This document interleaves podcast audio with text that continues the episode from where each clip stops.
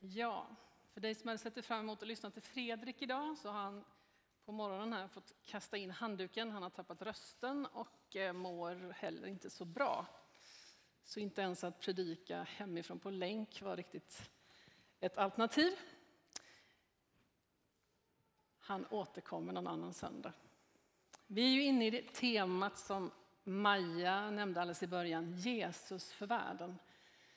Eh, vi vill tala om varför Jesus har kommit, vad han tänker om den här världen och vad han tänker att vi ska tänka om den här världen och om vårt uppdrag i den här världen. Vi vill tala om mission, om diakoni och om missionellt liv. Och frågan är om de där sakerna egentligen är olika saker, men vi sätter ju gärna etiketter på så att vi ska begripa. Och idag är det lite mer åt diakonihållet. Vi kan väl stå upp tillsammans och så läser vi liksom dagens text. Den är hämtad från Lukas 4. Det är från vers 16. Och eh, det här är en, liksom en väldigt känd Jesus-text, ett känt sammanhang. Eh, och på ett särskilt sätt liksom vad Gamla testamentet faktiskt säger om Jesus. Men som också hjälper oss att förstå vilka vi är tänkta att vara som kyrka. Vi läser tillsammans, varsågoda. Han kom till Nasaret där han hade växt upp och på sabbaten gick han till synagogan som han brukade. Han reste sig för att läsa och man gav honom profeten Jesajas bok. När han öppnade den fann han det ställe där det står skrivet. Herrens ande är över mig Ty han har smort mig till att frambära ett glädjebud till de fattiga. Han har sänt mig att förkunna befrielse för de fångna och syn för de blinda, att ge dem förtryckta frihet och förkunna ett nådens år från Herren. Han rullade ihop boken och gav den tillbaka till tjänaren och satte sig. Alla i synagogan hade sina blickar riktade mot honom. Då började han tala till dem och sa Idag har detta skriftställe gått i uppfyllelse inför er som hör mig. Alla prisade honom och häpnade över de ljuvliga ord som utgick ur hans mun. Varsågod och sitt. Det här är på något sätt Jesu egen programförklaring. Han ställer sig upp mitt i gudstjänsten och läser som man brukade ur, och det här är Jesaja 61. Och sen när folk väntar på liksom, vad betyder det här så säger han, ni har precis sett det här gå i uppfyllelse inför era ögon. Alltså Jesus är den Messias som de har väntat på. Han liksom inleder sin offentliga tjänst med att berätta vad är hans liksom, centrala, mest liksom, kärnan i hans ärende. Den här texten kanske ligger uppe lite, Samuel. Så ska vi titta på vad Jesus säger. Först säger han ju, han, alltså Gud, har smort mig till att frambära ett glädjebud till de fattiga.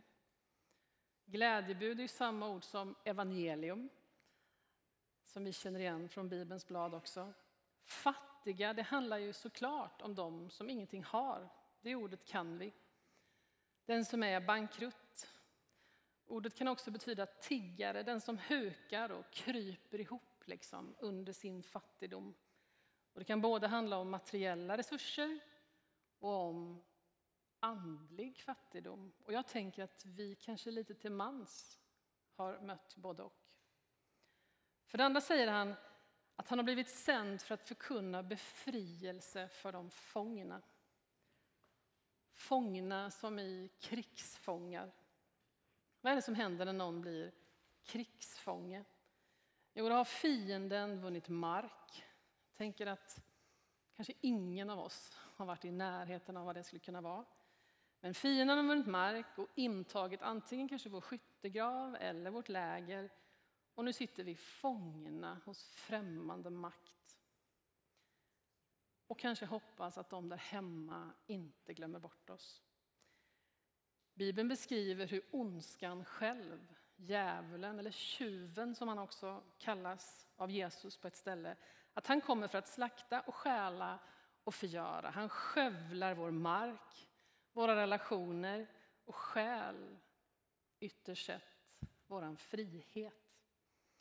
Och Jesus påstår i dagens text att han har kommit till alla krigsfångar. Till alla fångna, fångna i mörker, ensamhet, utsatthet, synd, existentiell tomhet eller någon annan slags strukturell bundenhet. Hela vägen kanske från det vi kan relatera till personligen och hela vägen till det värsta av det värsta. Trafficking, liksom barnarbete, slaveri. Och Jesus säger till alla, jag har kommit för att förkunna befrielse. Det tredje Jesus säger att han har kommit med syn till de blinda. Både den som är fysiskt blind och den som liksom behöver öppnade inre ögon. Allt ryms i det här uttrycket. Och Jesus gör som bekant både och när vi läser om honom. Han öppnar människors inre ögon så att de kan se vem han är och liksom uppfatta Guds plan med deras liv. Och han rör vid sjuka människor och ger dem deras fysiska syn tillbaka. Det fjärde han säger är att han har kommit för att ge dem förtryckta frihet. De förtryckta. Det ordet betyder de som har slagits sönder, som har gått i bitar, som har krossats. Det är att släppa någon fri som verkligen har suttit fast. Det är att ge frihet åt den som är slagen och som är sårad, som kanske är mobbad, förminskad, ägd och helt osynliggjord. Och så säger Jesus till slut att han har kommit för att förkunna ett nådens år från Herren. Vilket märkligt uttryck. Ett nådens år. Nådens år, eller friåret, det är någonting som finns beskrivet i Gamla testamentet. Det var vart femtionde år. Då skulle liksom allt nollställas. Alla skulder skulle liksom strykas. Alla slavar skulle bli fria. Allt skulle liksom återgå till hur det var innan någon liksom stod i skuld till någon annan eller var berövad någonting av sin, av sin egen frihet. Man skulle få komma tillbaka till sin släkt. Förmodligen så genomfördes kanske aldrig ett sånt här nådens år eller friår. Det var helt enkelt alldeles för radikalt. Men när Jesus står i synagogan den där dagen i Nasaret och läser den här texten från Jesaja så säger han alltså att den profetian har härmed gått i uppfyllelse. Alltså det är en helt ny tid. Allt ska liksom återställas. Den som är fången ska bli fri. Den som står i skuld ska få se sin skuld utraderad. Att han är den Messias som de har väntat på och att hans liksom, ehm, det faktum att han regerar, hans rike, det innebär glädjebud, befrielse, syn, frihet och nåd. Att han kommer för att lätta människors bördor. Till skillnad från liksom religiositeten och lagiskheten som la en massa bördor på människor. Jesus säger att han kommer med ett helt nytt ok som är lätt att bära för att människan ska orka. Och det är med det här vi får gå ut i den här världen. Det är detta som är Jesu ärende och därmed också vårt. Jesus för världen bär på alla dessa ingredienser. De fattiga, de fångna, de blinda och de förtryckta. Det är ju som att Jesus eh, liksom särskilt har sin blick, sin liksom spotlight på de allra mest utsatta utsatta, kanske de i marginalen. Ehm, och många av oss, jag till exempel, har liksom inte varit i närheten av att leva det vi kallar då för marginalen. Du har kanske varit i närheten av det eller varit i en sån situation för en tid, eller du kanske faktiskt har det så. Men jag är väldigt privilegierad. Jag kan inte säga att jag någonsin har levt liksom i samhällets utkant eller i marginalen. Men Jesus vänder sig särskilt till den som har det så. Hur ser det ut, man tror, i vår stad och i vår värld? Hur ser förtrycket ut? Vad är det du ser när du tittar ut liksom över Linköping när du läser nyheterna? Det är ju ett faktum idag att det finns fattigdom rakt in i vår stad. Det finns matfattigdom, det finns inte mat på bordet. Pandemin har ställt till det för många. Det är långa handläggningstider i många instanser. Det gör att det är svårt att få hjälp. Det är svårt att få pengarna att räcka till. Och man vet inte, kanske, hur man ska få mat på bordet den vecka som ligger framför nu. På Stadsmissionen säger man så här. Vi möter allt fler barn i Linköping i ekonomisk utsatthet som inte kan äta sig mätta i slutet på månaden. Jag säger det en gång till. Vi möter många barn i Linköping som inte kan äta sig mätta i slutet på månaden. Jag kan inte föreställa mig hur det skulle vara att säga till mina barn, jag har bara ett kvar hemma, vet du, det finns ingen mat. Du får gå och lägga dig hungrig. Jag har ingen lösning. Fortsätter så här. Under rådande tider med den pågående pandemin har behovet eskalerat och människor vi inte tidigare träffat på Stadsmissionen söker sig nu till oss. Många tror att alla i Sverige har mat på bordet. Vi vet att det inte är så. Glädjebud, befrielse, syn, frihet och nåd. Det kom Jesus med. Och han la sitt rike liksom på något sätt i våra händer. Han la sitt uppdrag i kyrkans hand. Så hur förkunnas det i vår stad, i vår värld, i vår samtid? Jag ska be att Hanna kommer fram. Hanna Askenteg.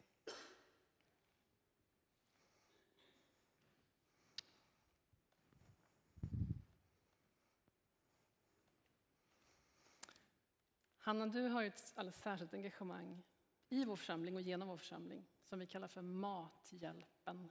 Berätta lite om det. Hur går det till? Liksom, varför håller du på med det? Vad gör ni? Ja, vi eh, ja, gör precis det som det låter som, Mathjälpen. Vi hjälper de människorna som faktiskt inte har mat att sätta på bordet varje dag. Ehm, och det gör vi i ett samarbete. Det är vår församling, det är Citykyrkan, Frälsningsarmén och Ekumenia som gör det här tillsammans. Ehm, vi delar ut matkassar varje vecka. Eh, och maten är sån som vi får från olika butiker, det som kallas svinn, som ja, annars skulle kastats men ändå är bra. Eh, så den maten får vi och den delar vi ut. Och så kompletterar vi det genom att vi köper in en del varor och eh, en del varor som skänks från medlemmar i församlingarna. Ehm, ja. Varför är du med? Jag är med i det här för att jag har känt, jag har känt länge att jag vill engagera mig, jag vill göra någonting för människorna i vår stad. Eh, att jag vill kunna få hjälpa till och göra något praktiskt. Ehm, och Ja, för mig hade den här tanken funnits ganska länge, men jag visste inte riktigt hur jag hur skulle jag kunna göra det här? Bara jag. Ehm, men sen eh, var det så att det var faktiskt en midsommar på Torp som jag var på ett eh, bibelstudium. Eh, när man pratade lite kring det här och det kom ett bibelord som jag kände att det här är till mig och nu är det dags, nu ska jag göra det här. Och då gick jag fram och pratade med en som jag känner som är med i Citykyrkan. Eh, och sa att det här har jag tänkt på, så här känner jag och det här vill jag. Och då säger hon, Hanna, det här har vi också tänkt. Och det här vill vi med. Nu gör vi det. Eh, och sen så började vi och så drog det igång. Eh, så vi höll på sedan jul 2019. Så varje tisdag mm. i Citykyrkans lokaler mm. på Sankt Larsgatan, då öppnar ni dörrarna mm. klockan? Vi öppnar dörrarna för matutdelning vid 17.30. Eh, men vi som är där som volontärer träffas ju lite tidigare så 16.30 är vi där och packar kassar och, och så. Och sen är vi där lite efteråt också. Och då är det så här, det finns ju en plats, det finns en tid, mm. det finns ansvariga, det finns ett tänk, det finns ordningar, det finns behov. Och det är så här att om man skulle vilja vara med så kan man bara prata med dig. Och du har sagt till mig, det räcker att man är med en gång i månaden. Alltså man behöver inte tänka att nu ger jag mig till någonting varje vecka, men i alla fall minst en gång i månaden. Ja, men vi har sagt att det är bra att man är med med någon slags regelbundenhet, så att eh, det kan vara svårt att bara komma en gång och vara med. Mm. Eh, för att man ändå ska komma in och för att man ska få någon relation också till de som vi träffar, för vi vill ju ytterst sett att de ska få känna att, ja, men att det inte bara handlar om den här matskassen, utan att vi vill också visa på Guds kärlek, mm. att de kanske ska få känna att de vill komma till våra kyrkor. Mm. Så därför tycker vi det är bra att man kommer med någon slags regelbundenhet. Och vill man vara med så kan man prata med Niklas eller Marie i eh, Diakonirådet. Så får man sitta ner och ha ett litet samtal med dem och de berättar lite mer om vad det innebär och eh, man kan själv berätta lite varför man vill engagera sig just i det här. Mm. Och man glömmer alltid inte vilka vetekvinnor de är så kan man alltid mejla till någon av oss pastorer. Eller, eller ni känner igen mm. Hanna på kyrktorget sen, på fikat. Mm. mm. Och ni behöver ju mer folk vet jag. Absolut, det gör vi. Och jag och Hanna och några till har bestämt, för det är nämligen så här med mig, allt det här med matkassarna och att man kan ge och man kan handla regelbundet. Jag glömmer det. Jag är sämst i hela den här lokalen på att vara med och bidra till Mathjälpen. Så vi har bestämt att en gång i månaden nu kommer vi särskilt påminna församlingen. Vi kallar det något flashigt som matkassen, kanske. Eh, och då har man chansen väldigt tydligt en gång i månaden. Man blir påmind och man kommer hit med sin kasse. Och då är det ju torrvaror som behövs. Och första gången för det här, då det ska bli jättemånga matkassar, är om två veckor. Gudstjänsten, samband med gudstjänsten den 30 oktober. Och Hanna, vad stoppar man i den då? Ja, man kan stoppa allt möjligt, men vi tänker för att göra det enkelt så kan man tänka att olja går alltid åt. Olja som, alltså olja. Eh, matolja. matolja. Ja, matolja. Eh, ris och pasta, hygienartiklar, socker. Känner man att man vill stoppa i något annat så får man det, men där har man fem enkla Stå som alltid går åt. Vi påminner vad det var. Det var olja, mm. hygienartiklar, mat, äh, mat. ris, pasta och socker. Ja, kan vi säga ja. det tillsammans? Olja, hygienartiklar, ris, pasta och socker. En gång till. Olja, hygienartiklar, ris, pasta, socker. Välkommen om två veckor med din kasse. Tack Hanna. Nu vill jag be Bitten komma fram. Eftersom jag inte har haft så mycket tid att förbereda mig så måste vi dela på den här predikan lite. Bitten ansvarar för en annan superbra grej vi gör som är språkcaféet. Det har Bitten haft hand om i många år tillsammans med ett gäng. Berätta vad ni gör. Det blir faktiskt sju år sedan vi startade. I nästa vecka kommer jag just på. Jubileum. Vad gör ni? Ja, vad gör vi? Först måste jag bara säga att igår när jag gick in i en affär så mötte jag ett par från språkcaféet som, på vägen ut. Och de sa så här, alltså att träffa dig, sa de, men de menar i oss i språkcaféet. Det, är så, det blir så varmt här inne. Och jag bara känner, ja, det blir så varmt i mitt hjärta också. Men vad vi gör, frågar du va? Mm. ja, vi startar ju förstås med fika. Svenskt fika. Vad som nu är svenskt. Och eh, pratar om vad vi vill socialiserar. Vi tycker det är jätteviktigt det här med integration och relation. Sen har vi oftast, eller alltid kan man säga, något slags tema. Någon av oss volontärer håller i det. Så förra torsdagen så berättade Anita Johansson om hur det var när hon jobbade i Jemen som barnmorska. Det var jätteintressant. Och gången innan var det Haitham och hans fru som Nej, Haitham och hans kompis som spelade och frun som intervjuade Haitham om hur han hamnade där. Sådana saker. Ibland, vi, vi har ju olika förmågor. Ibland har Bertil och jag spelat ett litet drama. Till exempel när vi ska prata om eh, kvinnors eh, rösträtt.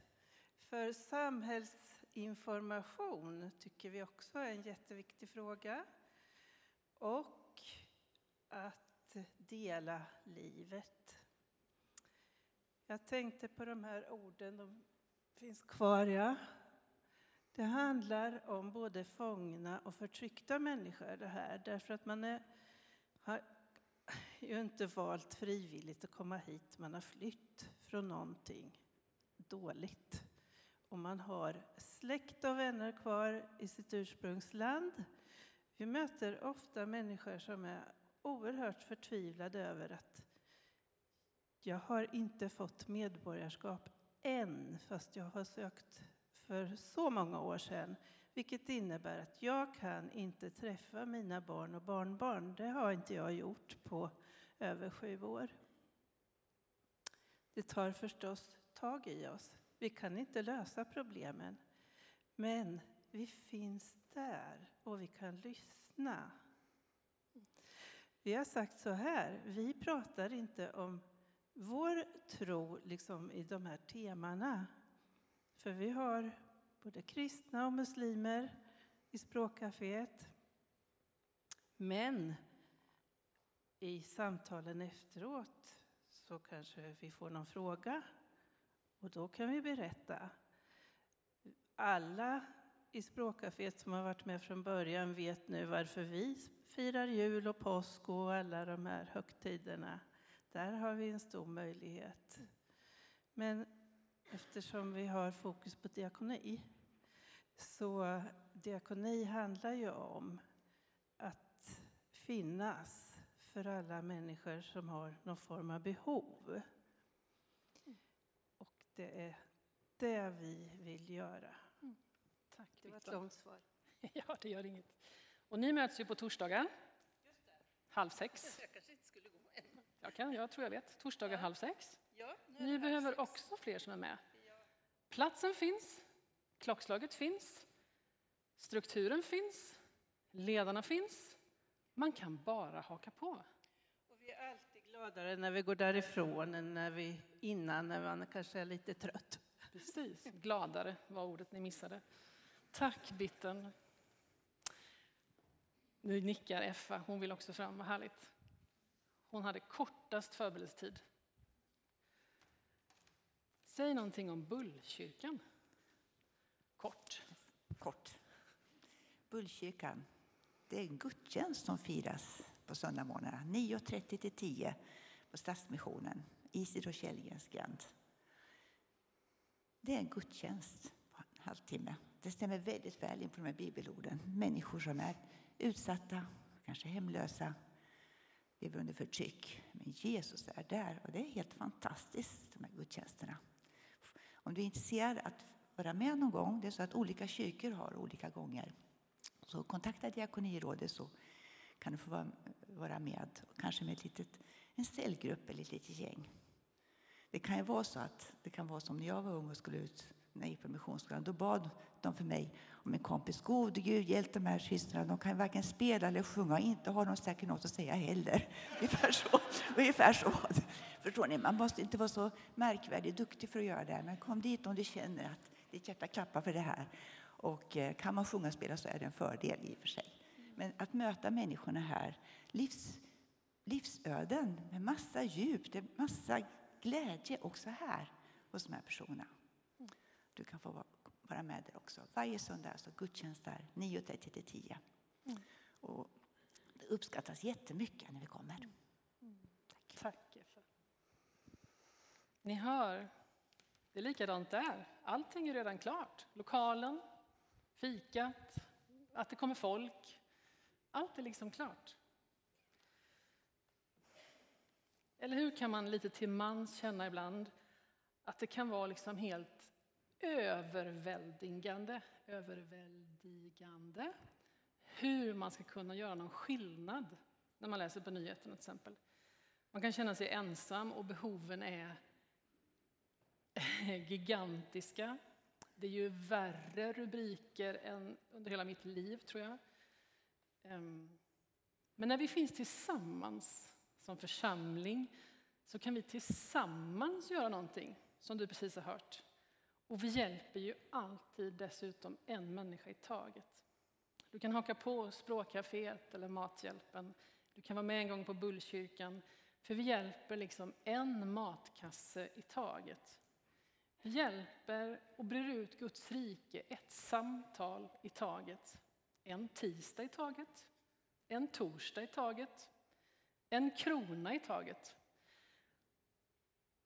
Och dessutom har vi som församling den stora, stora, ofattbart stora förmånen att på ett hörn få vara med och stötta nya församlingar i Linköpings mest utsatta områden. Skäggetorp, Ryd och Berga. Och det hörde vi jättemycket om förra söndagen. Tänk att du själv inte behöver sitta hemma och undra hur ska jag liksom kunna vända utvecklingen i Skäggetorp? Du behöver inte sitta hemma och undra det. Det finns, även när det kommer till det här, redan liksom förberett för oss. Det är klart. Det finns människor som bor där, som lever församling där, som verkar där, som vecka efter vecka finns där. Och du kan genom dina böner och att kanske då och då styra dina steg dit göra en skillnad. Kanske förändrar det också dig. Jag hoppas att du som räknar Ryttis som din församling har koll på vilken vecka som avslutas idag. Nicka då. Den har ett nummer. Den kommer ha samma nummer nästa höst, vecka 41. Och rubriken är Bra. Jag hoppas att du utifrån det smörgåsbord som lades fram för oss har fått se någonting den här veckan som du kanske inte hade sett innan. I onsdags så fick jag tillsammans med vår församlingsledning och några till vara på en bönepromenad, kallar vi det, i just Skäggetorp tillsammans med Nygårdskyrkan som finns där. Det var fint på en massa sätt. Och det som jag har burit med mig allra mest efter den där promenaden, det var att vi för ett år sedan, jag kan ta hela storyn, för ett år sedan, vecka 41, när det var Älska Linköping, så berättade de i Nygårdskyrkan att de ville starta en tjejgrupp för mellanstadietjejer för att stötta och bygga relationer och tala om livet. Eh, vi bad för det då och det startade sen och det har nu varit igång då nästan ett år. Så nu kunde vi tacka Gud för det. Och eh, vi stod och bad vid den lokalen där de är. Och sen när vi liksom gick därifrån över någon grusplan så stod det två barn utanför en lägenhetslänga. Och jag bara noterade dem, det var gulliga barn liksom. Och som tittade väldigt nyfiket på den här klungan som kom gåendes. Och sen vinkar tjejen så här, Hej Ester! Hej Harriet!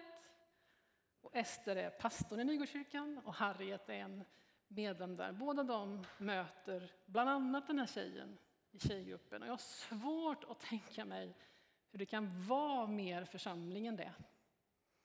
Det är ingen som ropar heja om jag går och köper en kaffe på Circle K på andra sidan. Eh, jag blev nästan lite avundsjuk. Det är så vackert och vi kan vara med med våra böner, med våra pengar och att då och då kanske faktiskt styra också våra steg dit. Vi stöttar också mission över hela jorden där verklig förändring sker för verkliga människor i verkliga svårigheter.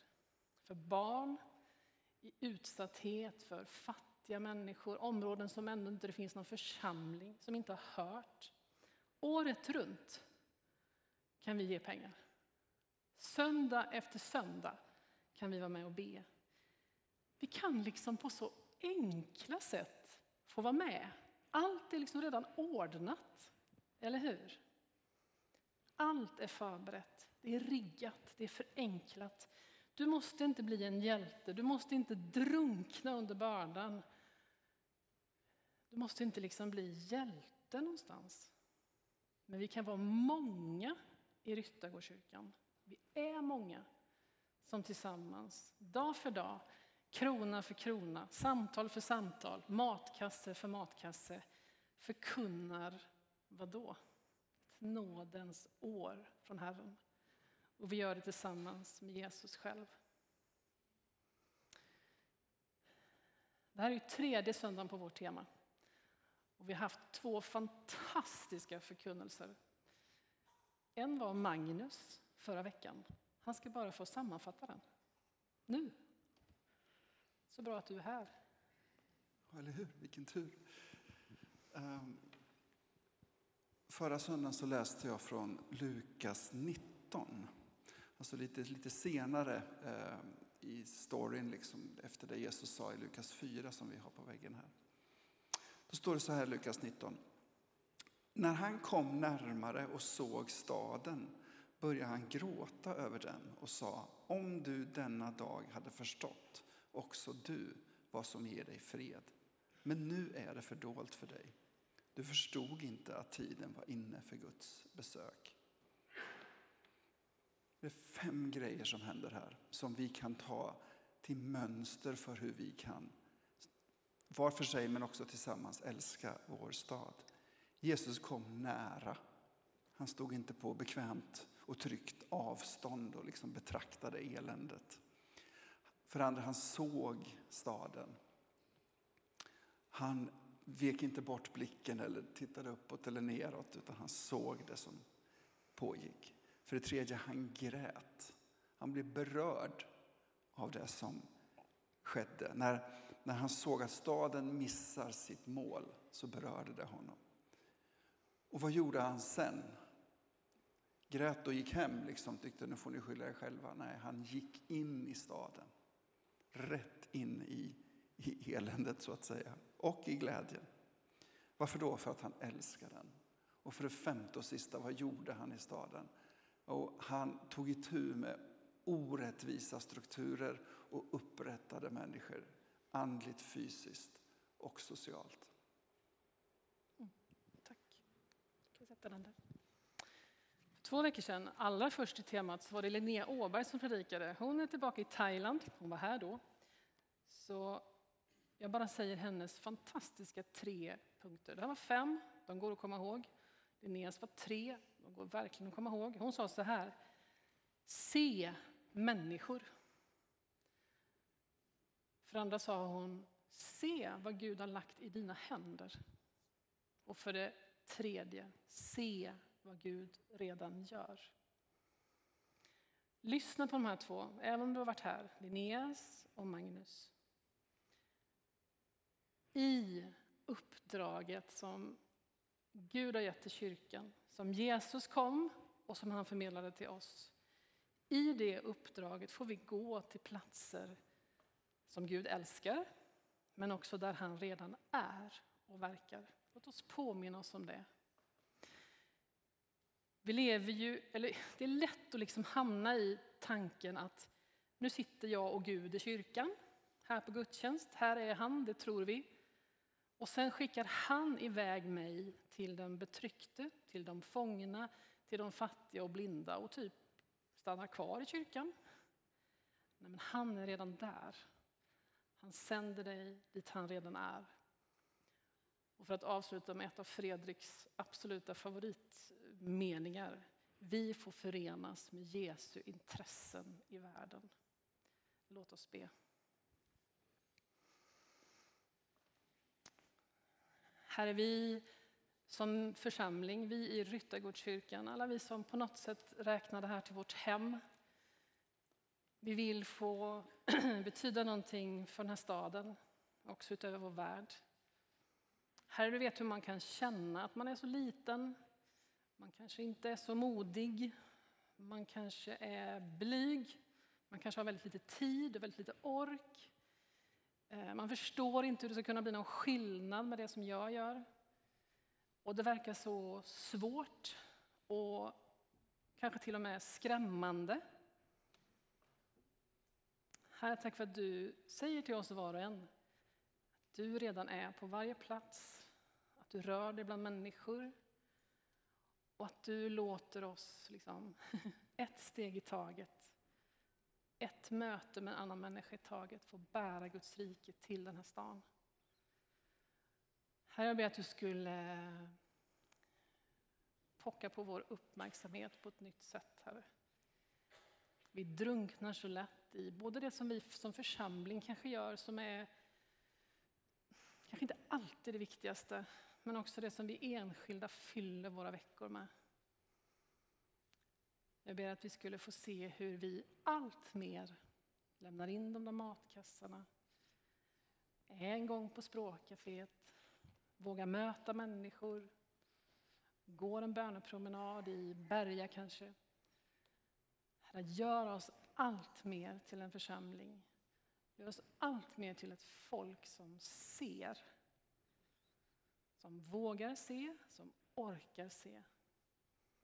Tack att du igen och igen vill visa oss vad du har lagt i våra händer. Och tack att vi ständigt får lita på och se var du rör dig. Amen.